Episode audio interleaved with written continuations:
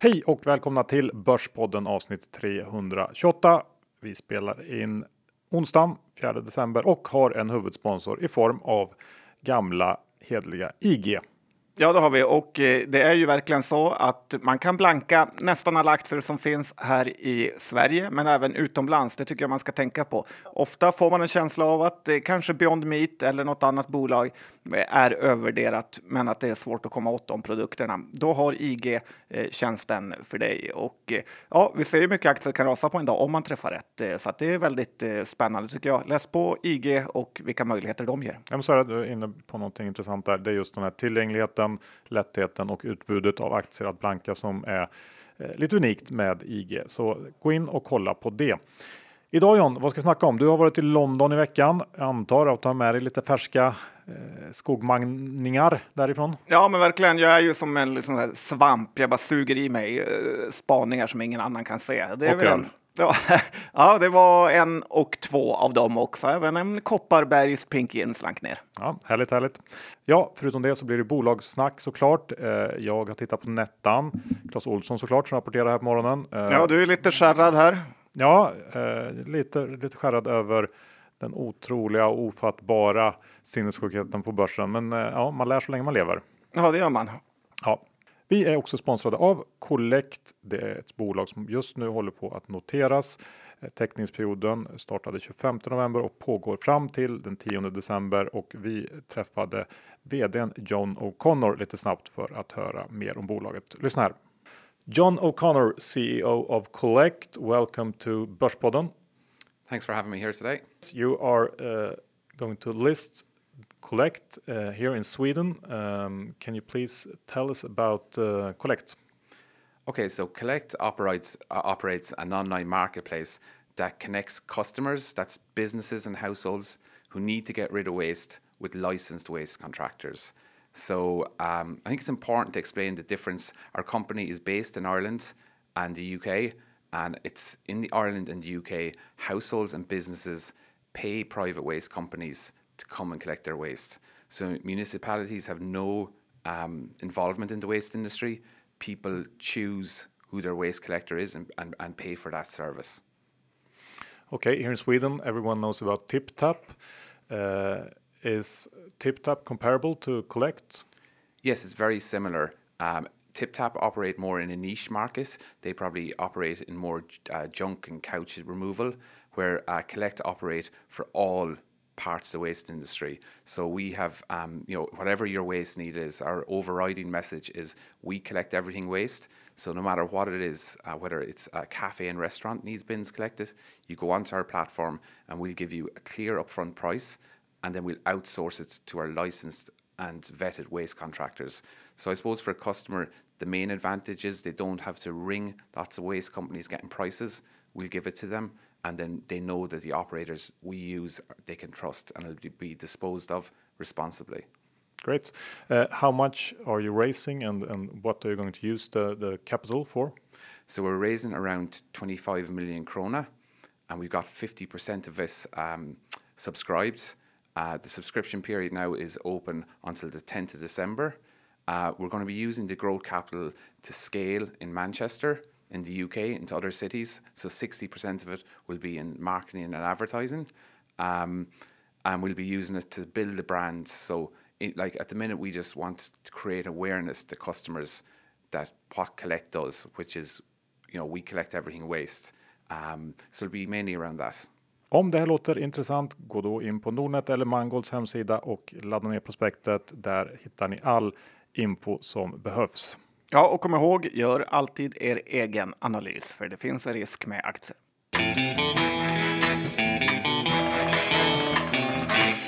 Johan Dr. Bass Isaksson, eh, börsen är på 17,11 och eh, ja, vi har kommit in i en liten svajigare period, även om börsen är upp 1% idag. Så ja, det är lite oro där ute i världen. Vad, berätta, hur ligger landet? Nej, så är det väl. Det har ju varit lite olika bud kring det här handelsavtalet som ju har varit liksom klart 70 gånger.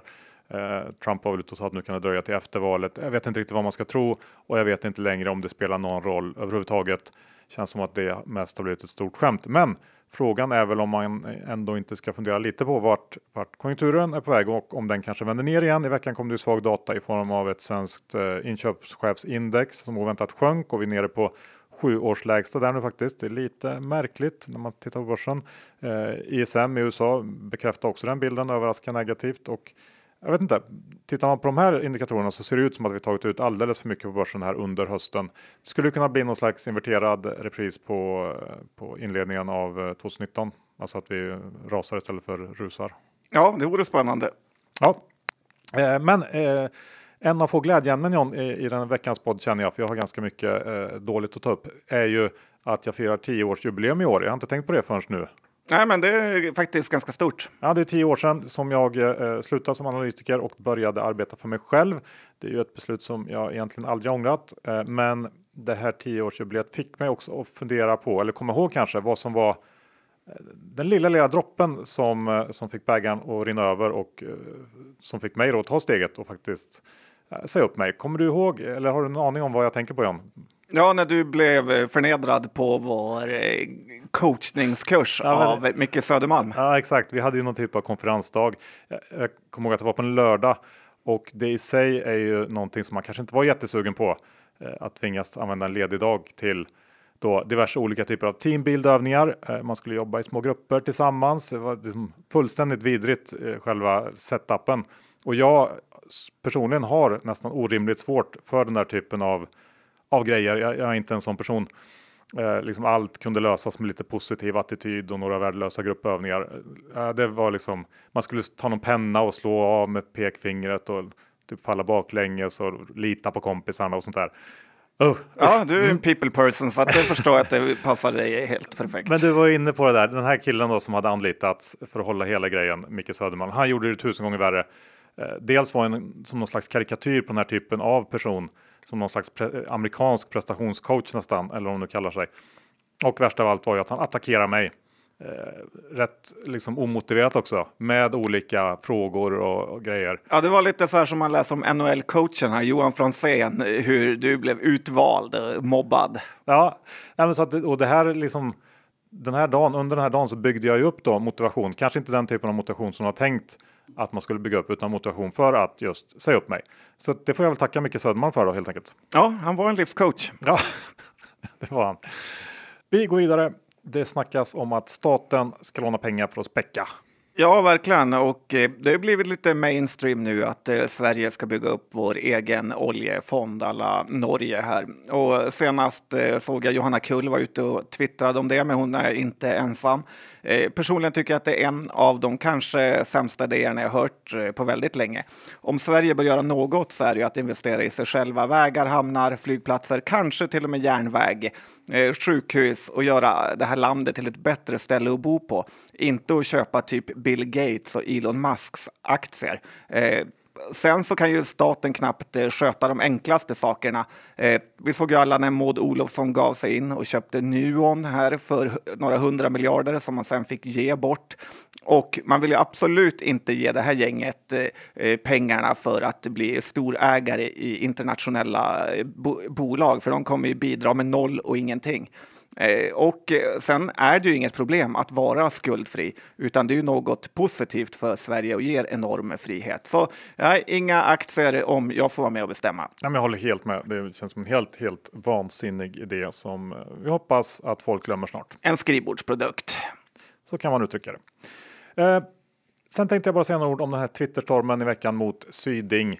Eh, och lite dig kanske? Ja, det tror jag faktiskt. Det var väl lite, vi kan börja med, det var ju lite missförstånd där.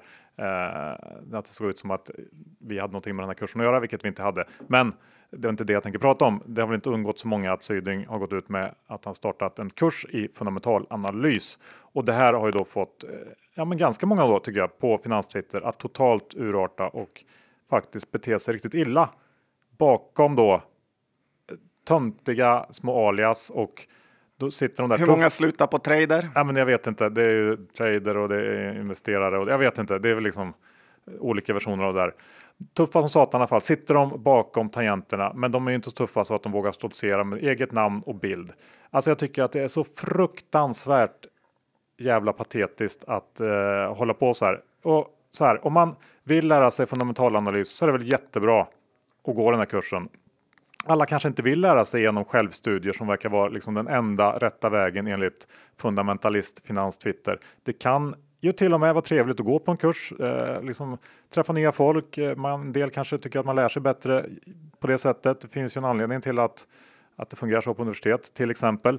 Eh, och, och, jag har svårt att se något annat område där det, där det är så förbjudet att gå kurser eller, eller då lära ut. Eh, och om då Syding vill lära ut via en kurs så är väl det också jättebra. Han har massor av kunskap inom området och jag är dessutom övertygad om att han passar perfekt för att just lära ut. Han har ju varit analytiker i, i herran massa år och efter det då hedgefondförvaltare på Brummer i 10-15 år eller vad det nu är. Eh, och det är klart att han kan analysera bolag eh, och han kan det nog också bättre än de flesta eh, och, och ja, kan säkert bidra till massor av kunskap för många. Så vill han lära ut så låt dem göra det och vill folk gå kursen, låt dem göra det. Eh, det är väl ungefär det eh, jag har att säga om det. Och det här med att eh, folk tror att han är pank och ska tjäna pengar på det här. Jag har svårt att se att, att det här är mer än någon slags sidoinkomst för Syding. Men ja, det är i alla fall eh, mina eh, 5 cent kring det här. Ja, men det är kul att du står upp eh, för en eh, för tillfället mobbad kille. Men det ena är ju också att det är lite löjligt det här med att Eh, det kan inte gå så bra på tradingen eh, för att eh, han, man vill göra en kurs. Och det är lite som de sa att det är inte alltid fotbollstränaren som är den bästa i laget på att spela fotboll. Så att, men till vad ska man säga, mobbarnas försvar så får man väl säga att de här Bolmeson och träd i Afrika har ju gjort att det har byggts upp ett visst hat mot det här. Så ja, ja, absolut, inte. absolut. Det, det finns ju såklart eh, poänger i det. Eh, men, men eh, jag tycker ändå att det är en lite konstig grundinställning och eh, jag kanske framförallt stör mig på den liksom otrevliga, onödigt, onödigt otrevliga tonen och liksom mobbningsfasonerna hos en del. Ja, du blivit lättkränkt på äldre dagar. Japp. Uh, hur är det med Sverige då John, egentligen? Egentligen, nej tyvärr får jag väl säga det här att ju mer man är ute och reser så får jag lite känslan av att eh, Sverige är världens eh, nya glesbygd.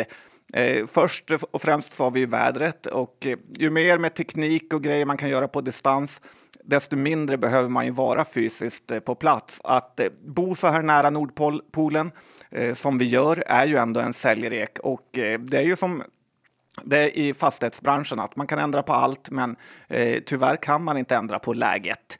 Och eh, det andra är ju utflyttningen av kompetenta och duktiga personer eh, som tar med sig kapital. Vi har ju Johan Molin, vi har Ola Rolén, det är Kampra, det är spelmiljonärerna, det är idrottsstjärnor, eh, ja, i princip alla. Eh, och eh, det är ju något typ av eh, samhällsfel när vi jagar ut eh, crème de la crème kan man tycka. Och eh, sen, ja, du var inne på det här tidigare Johan, sen har vi det här med jantelagen. Eh, det blir ju så att eh, direkt någon försöker något här så eh, eh även folk som vanligtvis låtsas att de är emot jantar, men när det dyker upp något nytt så kommer deras sämsta sidor fram här. Så att där har vi något vi måste jobba på slutligen så kan det också vara det här med den svenska kronan som redan indikerar att eh, vi faktiskt är det nya inlandet här. Det är vad omvärlden tror om oss och eh, vi har redan kommit långt in i ett sånt här eh, scenario. Eh, man får säga att kronkursen är lite av aktiekursen på Sverige. Ja, det är väl helt rätt helt enkelt. Um, ja, inte så mycket att säga om det, jag håller med.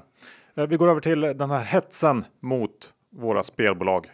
Ja, de har ju verkligen hamnat på shitlistan. Vi såg ju Danmark här, gav sig också på dem och det krossade aktierna trots att Danmark omöjligen kan vara största beroendet för spelbolagen här. Eh, men det är en sak jag funderat på är ju det här att eh, främst eh, Svenska Spel som ska vara de goda konstant håller på att hetsa om med jackpottar på Stryktipset och det är extra pengar. Det kanske inte är någon direkt bonus till en kund, men det är ju definitivt ett sätt att locka fler folk att spela genom att lägga mer pengar i potten. Nu här i veckan eller helgen så var det 50 år sedan Stryktipset startade och då firar man det med en extra pott på 25 miljoner som man gör jättemycket reklam för. Och det blir ju väldigt mycket högre omsättning då folk eh, spelar mer. Eh, så jag tycker att Svenska Spel är nog inte så goda som de eh, låtsas som. Nej, absolut, det är väl ett, ett stort problem med hela regleringen att ja, Svenska Spel har man ingen koll på. Men, men ja, vi, vi, får se vad som händer där. Vi går över till eh, Cherrydomen som ju föll i veckan.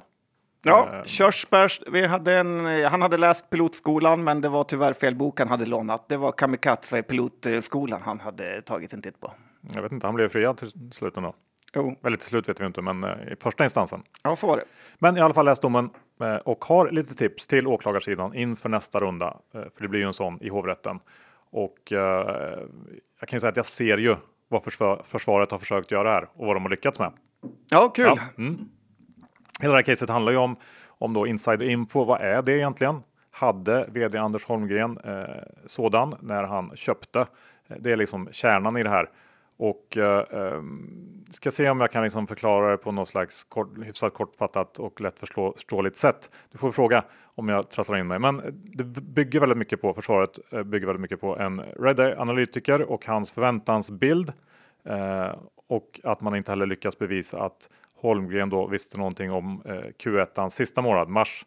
Ehm, och, och därmed lyckas försvaret trolla bort den här omvända vinstvarningen som ju var liksom på något sätt eh, det som fick, eh, fick Holmgren att bli häktad. Ehm, men det står i alla fall klart att eh, Anders Holmgren när han den 23 mars började köpa aktier hade siffrorna för januari februari. Det kan man se i, i liksom interna mejl och så vidare. Um, han hade också tillgång till dagliga finansiella rapporter från ComeOn som ju var den överlägset viktigaste delen i Cherry och uh, den delen som uh, stod för den stora positiva överraskningen uh, i, i då vinstvarningen, den omvända vinstvarningen. Och sen hade han också några halvluddiga mejl om att det går fantastiskt bra som kom det under hela mars liksom och han hade också info från ett styrelsemöte som som han hade haft dagen innan köpet, det vill säga 22 mars.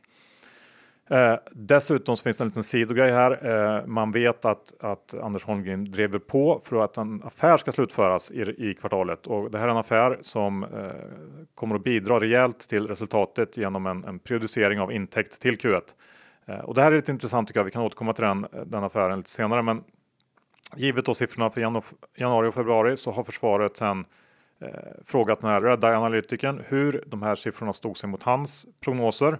Och eh, då säger väl han att, eh, att försäljningen var liksom lite under hans, hans prognos och eh, resultatet var lite högre, 12% bättre.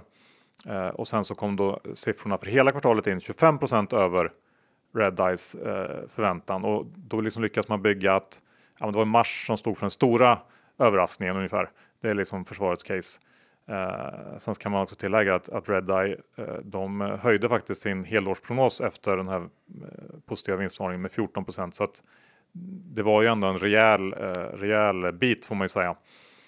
Eh, men här skulle jag ändå gå tillbaka och fokusera lite på den här affären som vi tog upp. Det, den kallas River Gaming affären i, i domen eller eh, de använder också något annat Azur Longo affären. Det är samma affär. Ehm, den drivs då på av Holmgren och eh, han ville få in den i Q1 för att boosta resultatet. Det eh, framgår tydligt av mail eh, och han lyckas också få in den där. Eh, så att, Men är det före eller efter han har köpt? Ja, det, det, det är klart liksom. Jag tror att affären blir helt klar lite efter, men ja, det där är ju lite. Nej, inget är klart för det är klart. Nej, så kan man ju säga det är lite oklart exakt när, när det är helt klart, men jag menar, mm, är det en två dagar? Jag vet inte riktigt. Antagligen så visste han det ju eh, ganska långt innan.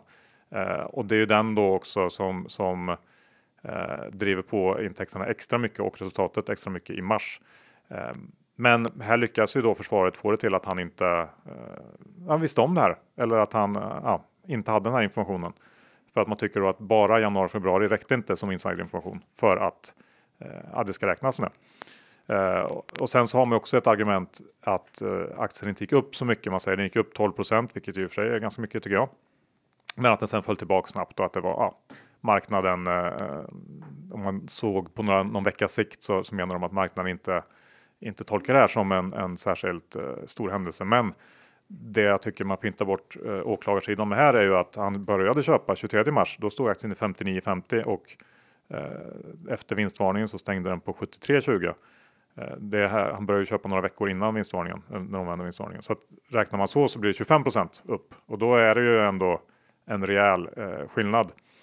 Så att jag, jag, ja, jag tycker att de har en del punkter som de ska foka på lite mer. Mm, jag tycker lite tvärtom här. Att, för det första tycker jag att det här är en setup av styrelsen för att få bort eh, vdn. Eh, om de inte hade gjort den här omvända vinstvarningen, vilket de absolut inte behövde göra, eh, för att spelbolag kan gå lite hur som helst, eh, och så hade det här aldrig hänt. Och det är ju så att nästan alla vd är ju alltid insyns. De vet ju alltid mer, eller bör veta mer än vad gemene man. Jag tycker det är totalt fel på reglerna hur vd kan få köpa eh, efter kvartalet är slut i många fall.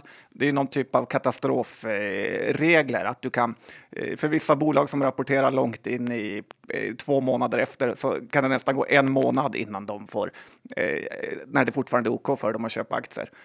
Sen tycker jag också att den här analytikern har blivit eh, väldigt hårt eh, slaktad av, eh, kanske Dagens Industri hade en hel artikel om hur bara såga han vid nästan career ending artikel. Och ja, man antar ju, eller man vet ju att han vittnar under ed så att tycker man inte ska gå så hårt åt honom. Men det är som sagt, det kommer en rond två och Johan, du kanske blir inkallad som, eh, skulle ju kännas lite oväntat, men att eh, åklagarna tar dig som eh, expert. Ja, men det är, kanske bättre än några trafikpoliser. Jag tycker att det finns rimlighet att man går ganska hårt åt mot honom för att han har ju. Jag tycker att det känns ganska tydligt att han ändå vill, vill eh, Cherry-ligan väl så att säga och dessutom så argumenterar man ju väldigt starkt för att det enda som spelar roll i spelbolagen är omsättningen. Jag vet inte riktigt om det är så. Jag, jag tveksam till den argumentationen. Det är ju också för att tona ner liksom innebörden av den omvända vinstvarningen så säger man att nej, men omsättningen var ju ungefär in line medan resultatet då var 25% bättre. Men det ska inte spela någon roll. Jag vet inte, i den värld jag lever så spelar ändå resultatet ganska stor roll. Så jag tycker ändå att du är man, lite old school där. Man, det kan vara ett sånt ett sätt att se på det. Man kan ju säga att den här bubbel bubbelvärderingslogiken har, har liksom nästlat sig in ända in i eh, tingsrätten. Oh. Tveksamt om det har kommit in i, i hovrätten ändå också. Det får vi väl se. Man ska ju komma ihåg att det är ju oavsett är det inte bra för Anders Holmgren det här. Det är ju lite av en career ender ändå. Då kan det väl passa bra att prata om eh, de sämsta småbolagsförvaltarna. Jag vill prata om dem, fortsätta här vår positivism.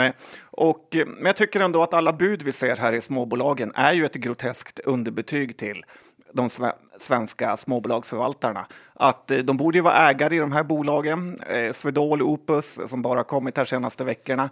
Eh, men istället så äger de nästan ingenting av det, vilket eh, gör ju då att värderingen blir för låg i många mindre bolag och att eh, när fonderna istället med deras kapital borde köpa de här aktierna och håller sig borta så att och då istället köper de midcap-bolag till P35 eh, som, eh, ja, som inte ens är småbolag. Nej, jag tycker att det är dags för eh, småbolagsfonderna att börja köpa riktiga småbolag som är småbolag och inte stora bolag som kallas för småbolag. Vi är också sponsrade av Revolut och passa på nu när vi har den här eh, väldigt fina dealen där man får hem ett kort gratis samt 200 spänn insatta på det här kortet om man bara aktiverar kortet genom att sätta in 100 spänn. Det är 200 spänn gratis. Det är ju en gratis macka som inte är så dum. Utöver det så är det ju ett fantastiskt kort med massor av bra och eh, eh praktisk funktionalitet. Jag gillar ju framför allt att det inte är några växlingsavgifter alls. Eh, banken får inte skinna mig på dem. Det tycker jag är bra. Du John har ju varit i London och kört lite Revolut i helgen. Ja, det funkar extremt bra. Känns väldigt skönt att inte lämna ut sitt debit card rakt in till bankkontonummer till allt och alla. Så att eh, Revolut är två tummar upp. Ja, och vill man vara som oss så tar man metallkortet så får man lite extra göttigt. Eh, in och läs på hemsidan om exakt vad. För att då få de här 200 kronorna så ska ni använda vår eh, länk och det är Revolut Bordspodden i ett ord .com snedstreck revolut finns även på vår eh, Twitter om man inte hann skriva upp det. Vi är också sponsrade av Ellevio som vill sprida kunskap om en reform som kan skriva om spelreglerna i den svenska elmarknaden. Förslaget går ut på att konsumenter i framtiden ska få en elräkning istället för två som idag det är elhandelsbolagen som skulle få fakturera konsumenterna för både elförbrukningen och elnätskostnaden och sen skicka vidare pengarna till elnätsbolagen. Det här betyder också att elnätsbolagen skulle få en kreditrisk på elhandelsbolagen. Risken gäller dels elnätskostnaden men även energiskatten som elnätsföretagen måste betala in till staten oavsett om de får pengar av elhandelsbolagen eller inte. Så här säger Elevios finanschef Jan Seveborg. Du, ett, ett, ett elhandelsbolag köper in el på börsen och säljer el till kunder. Man behöver väldigt lite rörelsekapital. Eh, med den här reformen så får man väldigt mycket rörelsekapital i form av intäkter från den faktura man ställer ut. De ska man sedan skicka vidare då till elnätsbolaget och elnätsbolaget ska i sin till skicka iväg skatten till, till, eh, till staten helt enkelt. Då. Eh, och så kommer ju de givetvis de allra flesta att göra. Så är det ju då. Men, men det öppnar upp. Om du är oseriös så, så ser åtminstone jag en möjlighet här eh, för oseriösa aktörer att, att kunna utnyttja systemet. Och så, det, det kan inte ligga i någons intresse att man, man vill ha det. Syftet med reformen var bland annat att öka konkurrensen, underlätta för konsumenter och bli av med dyra så kallade anvisningsavtal. Det är tillfälliga avtal som nästan 60% av svenskarna blev sittande med när de inte aktivt valde elhandelsavtal. Arbetet med reformen har dock tagit så lång tid, över 10 år, att verkligheten har hunnit förändras på vägen. Idag har bara en av tio konsumenter anvisningsavtal samtidigt som fakturahanteringen har underlättats genom nya digitala tjänster. Så innebörden, menar Elevio, är att de problem som man vill lösa med reformen inte längre finns kvar och istället skapar man då en rad nya problem. Hur som helst, den här nya ordningen kallas för den elhandlarcentriska modellen. Googla det så kan man läsa mycket mer. Ja, om du har varit i London eh, som vi sa nyss. Eh, jag vill ju höra lite grann vad du har sugit i dig som en svamp. Ja, men det ska du få göra här och det är ju ena. Jag var på Tottenham, spelade en match och eh, de har ju en ny arena som har kostat precis så mycket som helst att bygga, som var ju helt otrolig. Intressant var att grindarna där, där man skannar av biljetterna, kom från the one and only. Vad tror du? Gunnebo. Helt rätt. Och eh, det känns ändå som en kvalitetsstämpel att man eh, fått en sån order på ett av världens dyraste arenabyggen. Eh, sen hade jag ju utlovat att prova lite Kopparbergs och eh, jag har lite mixed feelings kring det här bolaget. Eh, eh, deras gin fanns inte på jättemånga ställen, fast där den fanns var de väldigt positiva och man får ju inte för en sekund lura sig att tro att Pink Gin är Kopparbergs idé för att eh, alla eh, de här större tillverkarna gör ju också Pink Gin. Eh, och vad gäller cidern, som är väl deras bread and butter, så är ju rekorderlig mycket mer Synberg än Kopparbergs. Så att jag har inget riktigt bra svar på om det är hås eller bäs i Kopparberg. Och sen vad gäller H&M så är det ju helt sinnessjukt vilka lägen som H&M har i London. De har ju de absolut bästa lägena kring Oxford Street och ju mer man tänker på det så känns det helt uppenbart att det är hm familjen som äger de här husen och ger reducerade hyror till H&M för annars tror jag inte de hade haft råd med de här lägena helt enkelt.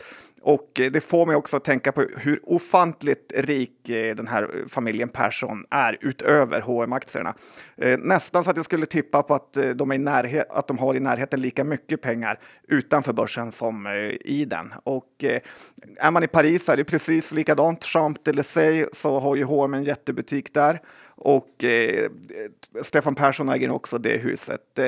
Så att ja, det är väl också så att mycket av de här rikedomen ligger utanför Sverige, vilket man bara får eh, beklaga. Ja, det är rimliga spaningar. Hur var det med, med uh, Ljungberg nu när han uh, tagit över? Ja, men det är väldigt kul att han har fått chansen här i Arsenal och jag kommer ihåg tiden när han uh, gjorde reklam för Calvin Klein kalsonger. Att, ja, frågan är han snäppet över dig Johan som kalsongexpert? Ja, det är faktiskt mycket möjligt. Ja, men nu är väl lika där. Men, eh, och jag vet inte om du gör samma sak som han, men eh, Fre Freddy, som han kallas, blev ju alltid trackad av sina lagkamrater av hur många par sockar han hade lagt in i kallingarna för att eh, förstora paketet. Eh, men det som är kul med Calvin Klein är ju att det är börsnoterat i en koncern som har samma ticker som eh, namnet är då, och det är PVH som tydligen står för Philip van Huysen eh, som är en koncern då, som också äger bland annat Tommy Hilfiger. Eh, kollade lite snabbt på den, den är noterad i USA och eh, den har ett p-tal på 11 så att det är ganska billigt. Det var 20 stycken vägare på Avanza som hade hittat dit. Ja, eh, antar att du åkte SAS? Ja, jag är ju tvungen av dig för att eh, kolla upp eh, dem och det som man har märkt med SAS är ju att det alltid står på eh, sidan av flygplanet operated by SAS Ireland. Och eh, det innebär ju att eh, flyget är utflaggat då till Irland och istället för dyr svensk arbetskraft så har man i princip Ryanair-priser på de anställda. Alla anställda är från Östeuropa och det är ju väldigt, väldigt skickligt får man säga av SAS vd att lyckats få facket att gå med på det här eftersom SAS är ju en så kallad flag carrier. Eh, du måste öka lönsamheten något otroligt att eh, ha gjort det här. Eh, tyvärr får man väl som resenär säga att eh, servicen har ju då sjunkit några snäpp, men det kanske ändå är värt det eh, då det innebär att eh, man får väl lägre priser på flygbiljetterna samt att Sverige kan ha ett eget flygbolag. Det som är kul med SAS är ju att det är fortfarande väldigt lågt värderat om man jämför med amerikanska flygbolag och bara någon tiondels procent i lyft på marginalen här kommer ju göra otrolig inverkan på eh, resultatet. Så att, eh, ja, dubbel köprek på eh, SAS vd. Han lär definitivt vara redo för ett eh, toppjobb. Ja, ja, ja, men det, ja, det köper jag. Kul. Eh, jag tänkte vi kan ta en liten kort eh, eh blänkare om Clas Olsson. Vi ska inte prata så mycket om det, men den ballar ju ur fullständigt på börsen idag och skadar ju mig ganska rejält faktiskt. Jag gillar att du sa innan, frågar om den ska gå upp eller ner. Ja, jag, jag kan ju förklara varför jag sa så.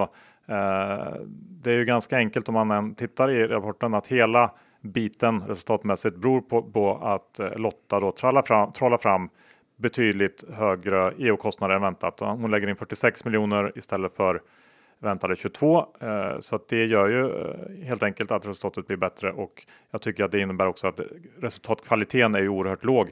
Men marknaden verkar inte eh, riktigt ta fasta på det. Men, men justerar man då för, för att räkna in att EO, EO eh, e poster mer i linje med förväntan så var ju ebit inline. Går vi sedan över till de här novembersiffrorna så var ju de eh, trots ganska väldigt lätta komp får man säga rätt svaga med 2 i organisk tillväxt och den största missen här är väl online som trots då en ny uppdaterad e-handelsplattform kommer in på svaga plus 7 eh, Jag tycker inte riktigt det räcker med att säga att det var fortsatt inkörningsproblem med det här, men, men eh, ja, så är det. Sen får man väl lägga till att en del av av den här Black Week och Black Friday och allt vad det heter kommer ju eh, efter utgången av november också, så att det kan ju påverka en del. Men ja, i det stora hela Eh, så, så har jag väldigt, väldigt svårt eh, att förstå dagens reaktion. Eh, det jag mest av allt inte köper är ju att all förbättring i Clas Ohlson nu handlar om besparingar och det är i sig engångseffekter. När man väl fått effekten så kan man inte få den igen samtidigt som, som konkurrensen och prispressen hela tiden fortsätter. Så det, det, det, är ju ett sätt att, att köpa sig lite tid, men, men jag har väldigt, väldigt svårt att förstå varför marknaden åsätter en sån här verksamhet en så fruktansvärt hög multipel och kan någon förklara dagens eh, reaktion för mig så kan jag bjuda på en öl. Ja, det, jag såg att den hade nytt all time high nu eller dagshigh ah, på 108. All time high tror jag inte, för då är det lite mer så. Men eh, Lotta har ju, lär också, om vi pratar VDR, vara redo för ett eh, nytt eh, toppjobb med tanke på vad hon har eh, gjort med i alla fall aktien får man säga. Ja, vill man ha någon som är duktig på att trixa med EU-kostnader och så här så är det ju helt rätt person. ja, så kan man säga. Ja. Om man är en bra förlorare. ja, nej, det, det, är ofattbart märkligt faktiskt att folk inte. Men, men eh, vi går vidare. Det är, inte, det är ingenting att, att, fundera på det. Jag får se om jag uh, får eh, stoppa lite idag eller hur jag får göra. För um, när det går så här så är det ju inte mycket att säga emot. Jag har upp, tydligen en helt annan syn på det här bolaget och, och aktien än vad marknaden har. Eh, ska vi ta något annat? Vi tar, eh, jag kanske är i behov av eh, produkter från det här bolaget som du ska prata om eh, nu. Ja, berätta. Det här danska. Danska antidepressiva. Ja, men du är inte ensam kan jag säga för att en miljon människor i Sverige, här kom det ju någon artikel om, tar antidepp och det är ju var tionde person så det är ju, där får man säga att Sverige är världsledande i alla fall. En intressant grej är ju att danska Lundbeck är också kanske ett av de bästa bolagen i världen på antideppmedicin som har två preparat som säljer eh, som smör Ett har det lite roliga namnet Abilify och eh, det andra kan jag faktiskt inte uttala.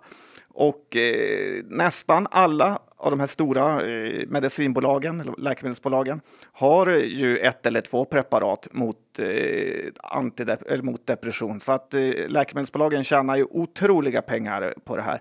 Och grejen är också att det går typ inte att sluta när man väl har börjat, för då blir man påmind om hur eh, hårt livet är egentligen. Och Johan, det var som du sa här, jag tänkte att kanske ska du och jag gå på en sån här liten kur och se om vi kan se på börsen med helt eh, nya ögon. Kanske lite, få lite så här Erik Selin-aura och bara se möjligheter. Är du på på en månads eh, testperiod? Ja, vi kan testa, absolut. Mm, bra. Ja. Eh, det blir spännande. Eh, bra, ska vi gå över till Malmbergs? Malmbergs, ja, det här är ju det elektriska bolaget, Malmbergs Elektriska, som har fått lite nytt liv här efter en ganska fin Q3. Eh, jag köpte en del aktier på rapporten som numera är sålda, men enskilda har ställt sig dolt i boken och köpt. Det är alltid lite läskigt att sälja till en sån aktör. Eh, men tittar man på MEABs, eh, som kortnamnet är, balansräkningen, så ser ju det här bolaget riktigt bra ut. Och eh, med tanke på den här köpräden vi har sett av MEAB eller Malmbergs lik, lik, vad säger man? Ja, liknande verksamheter. Ja, precis. Så känns ju Malmbergs lite mer intressant än vad de gjorde tidigare. Eh, aktien stod i 175 för tre år sedan, så det har ju varit en rejäl ökenvandring på börsen här. Eh, jag räknade också ut att bolaget de senaste åren, eh, kanske tre eller om det var fyra åren, har betalat ut över 30 kronor i utdelning. Så att, och att deras största dödsbo är och att deras största ägare är ett dödsbo. Så att det är mycket som kan hända här. Samtidigt så tycker jag ändå inte att den här rapporten gör att allt förändras, bara att det ser lite bättre ut än förut. Ja, okej. Okay, ja. vet inte, någonstans får det ta slut med uppköp i den där sektorn kan jag också tycka. Och det känns väl lite småtrist så här överlag. Eh, jag tänkte gå över till någonting som jag har lagt lite tid på sista veckorna och det är ju faktiskt en gammal favorit i, i form av Net Entertainment, NetEnt. Ja, det var någon artikel där du sa att det var börsens bästa bolag har jag läst. Det var ju den. Det har inte åldrats bra som man säger. Ja, men när var det då? 2015 kanske? 14 jag sa det. Ja. Då hade det ju faktiskt inte kraschat än. Sen eh, kraschade det ju som sagt. Men, men nej, vi, vi, släpper det för ett tag och, och går in på vad som eh, faktiskt händer nu. För det börjar hända ganska intressanta saker samtidigt som aktien handlas så svagt som man tror att undergången är nära egentligen. Vi är på fem års lägsta, eller var igår i alla fall, rent aktiemässigt. Eh, samtidigt som bolaget eh, faktiskt, i alla fall vad jag tror, är i bättre skick än på, på ganska många år rent operationellt.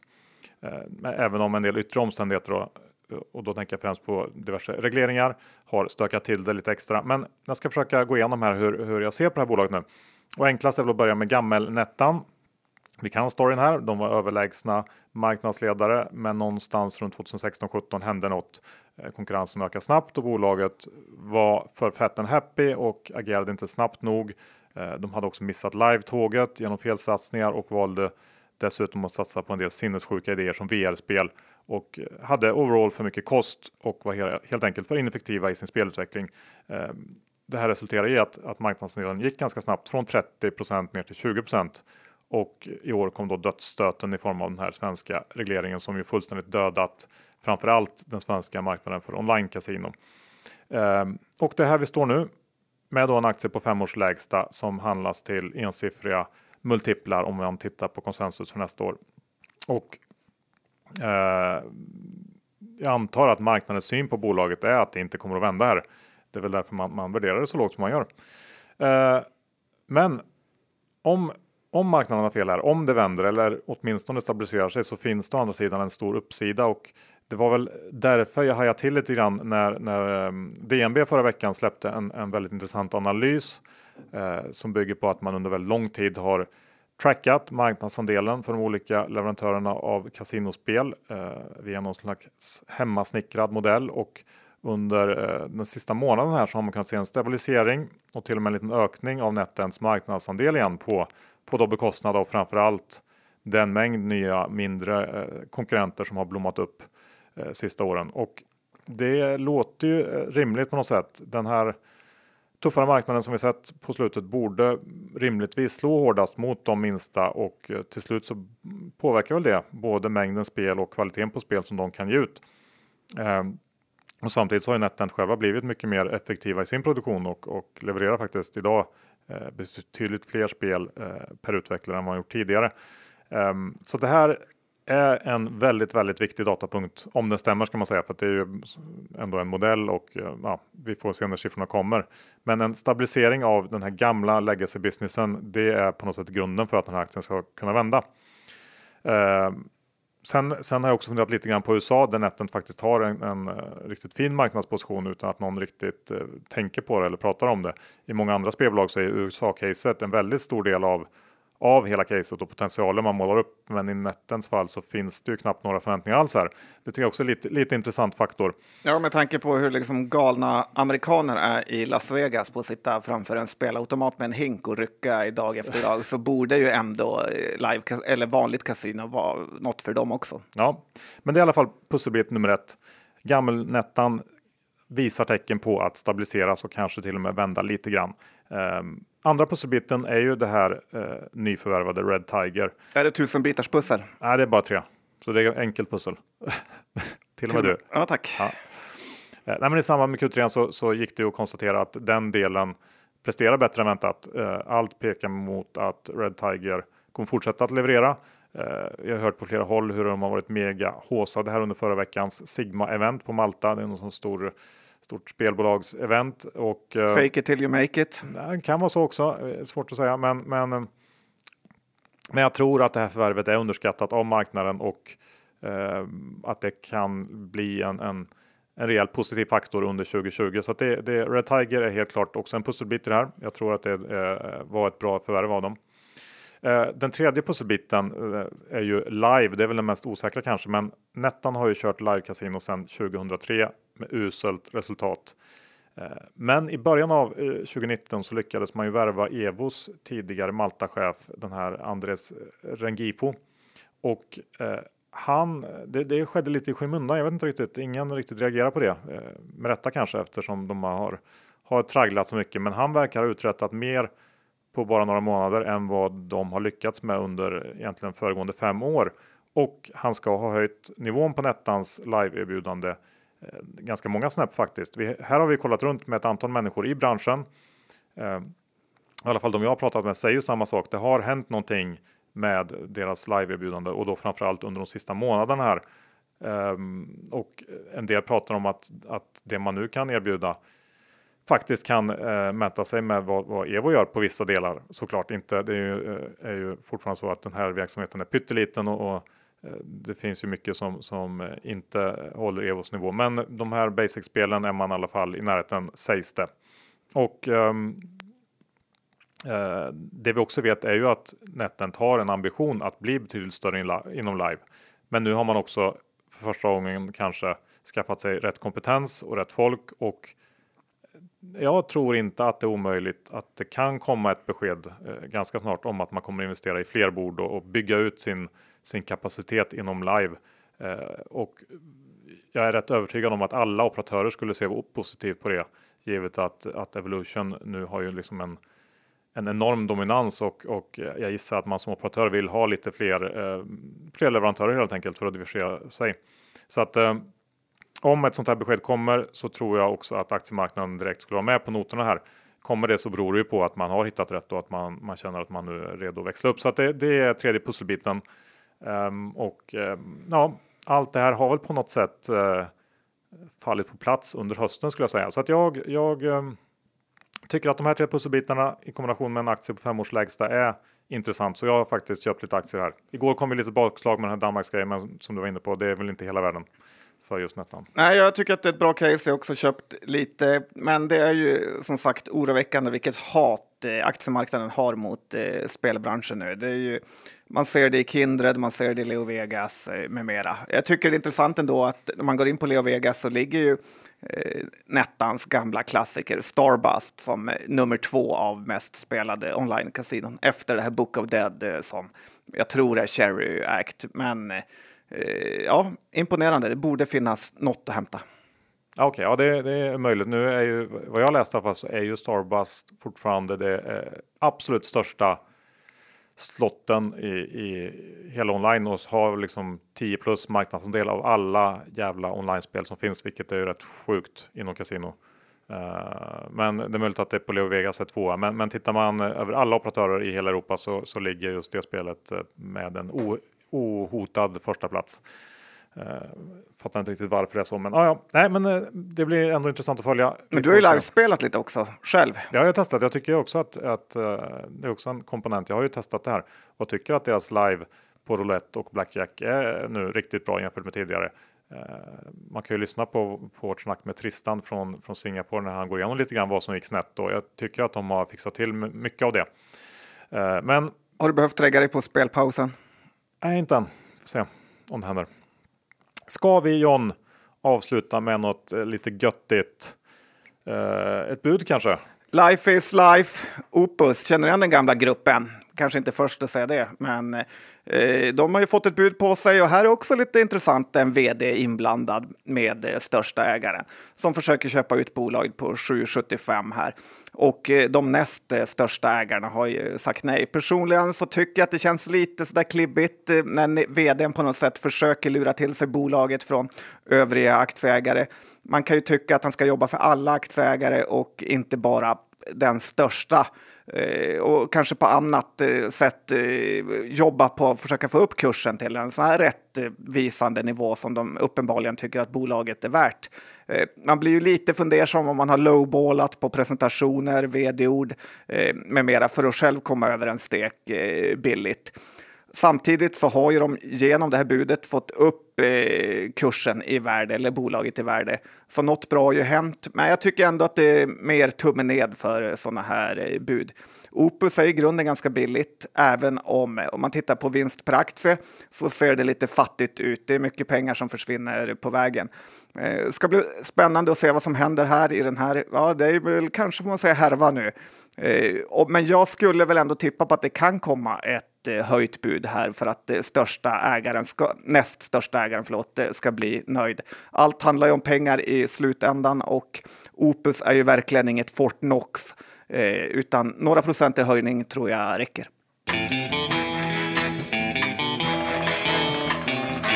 Slut på avsnitt 328. Det blev ganska långt idag. Om vi har mycket att prata om. Vi tackar vår huvudsponsor IG. Ja, ni vet att man kan blanka aktier, kanske inte ska blanka de vi pratar om, vi brukar ha fel där. Men det är väldigt stort utbud av aktier man kan blanka och det finns mycket pengar att tjäna på nedsidan. Ja, och eh, passa på nu när vi har det här erbjudandet med Revolut.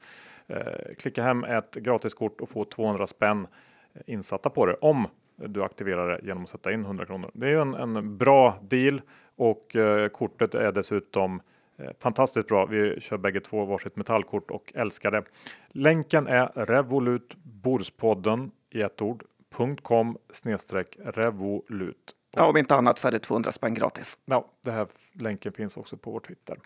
Eh, när det gäller innehav, eh, tyvärr är jag fortfarande kort Clas Ohlson. Eh, svider en sån här dag. Får se hur, hur man ska agera med det. Jag är också lång Net Entertainment. Kanske kan det väga upp i framtiden. Vi får hoppas. Ja, jag är eh, precis samma innehav där som du sa och eh, är back på båda. Gratulerar John Skogman. Kul! Eh, med de orden så avslutar vi och hörs om en vecka igen. Hej då!